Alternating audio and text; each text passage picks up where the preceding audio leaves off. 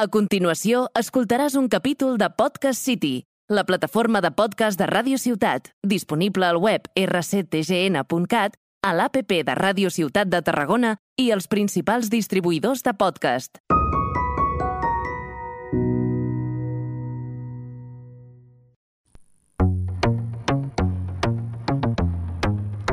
Can't ball in a life, man.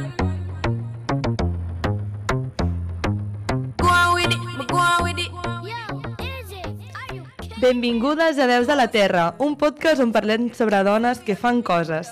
Avui tenim aquí a l'Helena Casas Perpinyà, coneguda com a Femina Verbipotens. Hola, Helena. Hola, Lucía, moltes gràcies per convidar-me. Estic molt contenta. I jo també. És una convidada que ens va quedar pendent la temporada passada, però quina millor manera de començar aquesta temporada que amb ella de convidada. Que ets historia historiadora medieval, veritat? Sí, sóc historiadora especialitzada en història medieval de les dones, sobretot en el territori d'Europa. Uau, és que jo encara estic flipant. Eh, la primera pregunta que et vull fer és d'on surt aquest pseudònim de Femina Verbipotens? Bé, la fèmina verbipotens és un terme en llatí que significa la dona, fèmina, que domina la paraula verbipotens, verbi de, de, de verb, que també en llatí es feia servir per denominar paraula, i potens de, de, de domini, de, de potencial. I aquest és una, un terme que va fer servir un senyor, el Cui de York, que era un senyor que sabia moltes coses, era un bibliotecari, un pensador, teòleg, uh, del segle VIII, que a més a més era assessor d'un personatge que segur que coneixereu totes, que es diu Carlemany.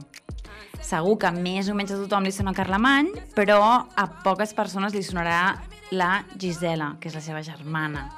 Bé, doncs aquest famós Alcuí de York va parlar en una carta de la germana de Carlemany, de la Gisela, denominant-la una fèmina verbipotens per dir que ella era una dona que escrivia poesies molt boniques, que tenia un domini de llatí molt important i que era una lletrada, una, és a dir, una literata, una dona que, que dominava molt bé l'escriptura i que calia reconèixer-la.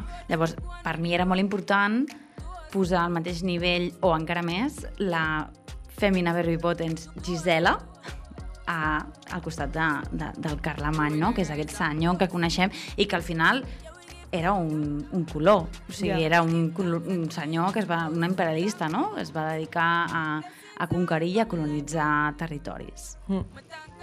Que guai, t'he sentit, t'he sentit, molt xulo. Jo li deia abans que és que em pega tant nom de Femina Verbipotens, és com que tot té sentit. Sí, queda molt bé, molt xulo. I et costa molt trobar informació de totes aquestes dones medievals? Tipus, et costa molt trobar-la o, o està més a l'abast del que pensem? està més a l'abast del que pensem i precisament aquesta és una de les, diguem-ne que és un, un dels objectius que té Femina Verbipotens com a alter ego no, meu.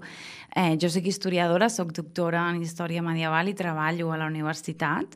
Actualment estic treballant com a investigadora a Itàlia i el meu objectiu precisament és posar també a l'abast de tothom tot aquest coneixement que tenim les historiadores medievalistes sobre les dones, però que després pensem que no, no? que potser eh, les dones de l'època medieval estaven a casa tancades, que depenien dels homes, que només anaven a l'església i en la realitat el que ens diu la documentació és tot el contrari. El que ens desvelen no? els estudis de l'època medieval és que precisament la documentació és superaccessible, l'únic que passa és que... No s'ha volgut donar a veure, és, no? Exacte, és molt necessari anar-la a buscar i tenir molt clar que tens ganes de trobar-la, perquè la mirada mm, del que tu estàs llegint és molt important. Per Ja. tant, la documentació hi és i és també molt important que la gent que no està a la universitat mm, com construïm aquesta idea falsa de que l'època medieval era una època super fosca per les dones. Ja. De fet, eh, tant de bo que totes aquestes històries que expliques tu, jo que sóc de l'àmbit audiovisual i m'encanta tot el tema del cine, eh, es fessin més pel·lis, perquè al final les pel·lis d'història, menys alguna que ara va sortint de Mary Shelley, uau, eh, és tot molt homes. O sigui, algunes poques que sí que protagonitzades per dones, però tant de bo es facin més per donar a conèixer, no? perquè ara al final, vulguis o no, si es treu un llibre, mm, els joves ja no, no tenen tan a l'abast o aquesta cultura de llegir llibres sobre dones, però potser pel·lis, bueno, jo és que defenso molt el, el tema del cine i audiovisual, i, i tant de bo que, bueno, és que tinc, bueno, després et preguntaré sobre les històries xules que, que m'han agradat. Però al final, quin és el teu objectiu amb les fanzines? Bueno, entenc que és plasmar tot el teu, la teva feina, no? Però on vols arribar? L'objectiu al final és divulgar. És a dir, que tot el coneixement que generem a la universitat, les feministes, siguem historiadores de medieval o de contemporània o d'antiga, a qualsevol època, no? o altres àmbits, altres disciplines, que tot aquest coneixement després tingui un, un camí um, de divulgació uh, per les persones que no estan eh, a dintre d'aquestes xarxes, perquè la universitat pot ser molt hermètica i el discurs, la manera de parlar, la manera d'escriure a dintre de la universitat pot ser realment eh, complicada, no? Per tant, l'objectiu dels fanzines també és fer servir una manera d'escriure, un llenguatge, que sigui realment el que, el que utilitzem al carrer. Per Més col·loquial. Exacte, més col·loquial, més desenfadat i també més crític políticament i, per tant, més feminista. Uh -huh. Que guai.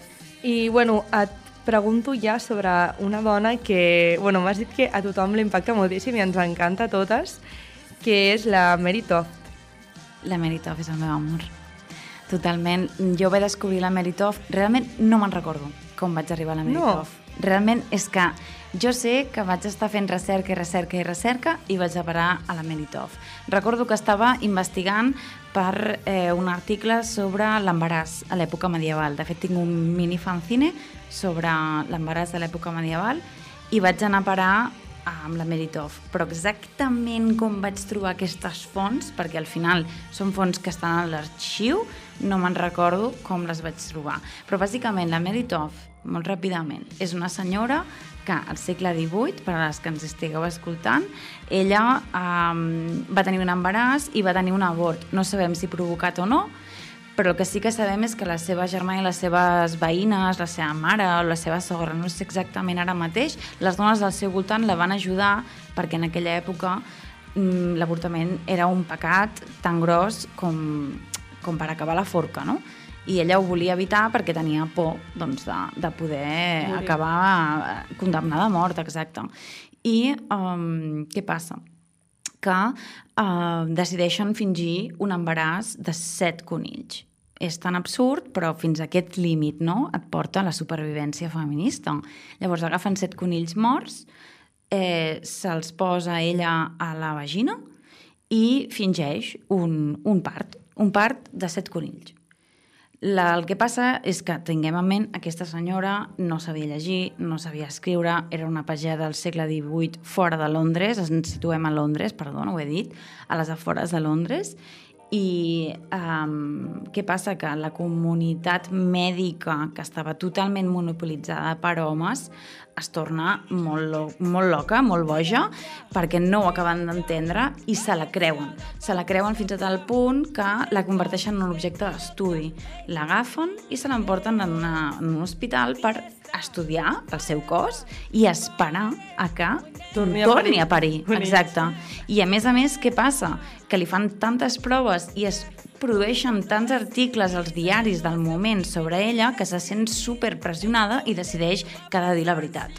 Diu la veritat, se'n va a judici, però clar, no existeix a la legislació una llei per la qual es condemni una dona per haver fingit un part de set conills. Per tant, ella queda totalment lliure i no se la condemna per res. Costa de creure, realment. Sí, que m'estiguis dient que per eh, tenir un abort, bueno, el que sabem, que per tenir un abort eh, puguis literalment morir, però en canvi per fingir que has Clar, parit que passa set és que no conills, està- que també m'agradaria veure la noia perquè, pobra, La llei, no parlaré de l'actual, però com a mínim la llei del moment era tan totalment absurda i monopolitzada pels homes que quan una senyora va fer això, una senyora que a més a més no sabia llegir, no sabia escriure i que se'n van riure literalment de tota la comunitat mèdica, que a més a més aquesta comunitat mèdica era la que deia que les dones no podien exercir la medicina perquè eren molt estúpides, Mira, els estúpids. d'acord? Doncs mira els estúpids que es van creure aquesta tonteria que era un mecanisme de supervivència, no? Per tant, la, la, jo el que, el que llegim no? és que la legislació es va trobar entre l'espasa i la paret en, en, en un bloqueig tal que van dir, doncs, és que no, no la podem condemnar per res, no? La podem condemnar per injúries, per, Per mentir. mentides, mentides i ja està, no? I, I aquí es va acabar. És molt fort, o sigui, eh, jo em va impactar tant quan la vaig escoltar el primer cop. Increïble. Després també eh, volia parlar del manifest SCUM, que he vist també que és una mica tema clau a les teves xarxes, que, bueno, jo eh, no m'informo... O sigui, eh, ho he anat veient i tal, però no em volia informar tampoc moltíssim perquè volia també que m'expliquessis, volia sentir-ho directament de la fèmina. El que sí que he buscat va ser l'Andy Warhol, que eh, a la seva biografia... Bueno, primer explica tu i després dic jo el que he trobat. D'acord. A veure, què passa? El manifest d'Escum és un manifest que va escriure la Valeria Solanas, si no m'equivoco, el 1968, i és un manifest molt original, molt visionari, si el tenim en compte des del nostre present de feminisme contemporani. Estem parlant d'una dona que va tenir una vida molt complicada, ella va patir abusos sexuals dels, per part del seu pare, després se'n va anar a viure a casa dels seus avis, el seu avi també va abusar sexualment d'ella, als 15 anys ella va marxar d'aquesta llar mm, dels avis i va esdevenir una dona sense llar, és a dir, una homeless, en anglès, una, sí, una sense llar, i, mm, i a partir d'aquí es va començar a prostituir per poder guanyar-se la vida. Ella es va declarar, a més a més, com a lesbiana i, i les seves relacions amb els homes van ser sempre super complicades i hi havia el viatge de la violència sempre pel mig i la violació. A més, ella va tenir un, un fill, va tenir un bebè, el qual va donar en adopció perquè tampoc tenia possibilitat d'avortar, és a dir, no, no era un fill desitjat, i mm, ella comença a estudiar a la universitat, tots i aquests problemes, tot i viure al carrer, Uau. comença a estudiar a la universitat i escriu un guió de, de, de teatre.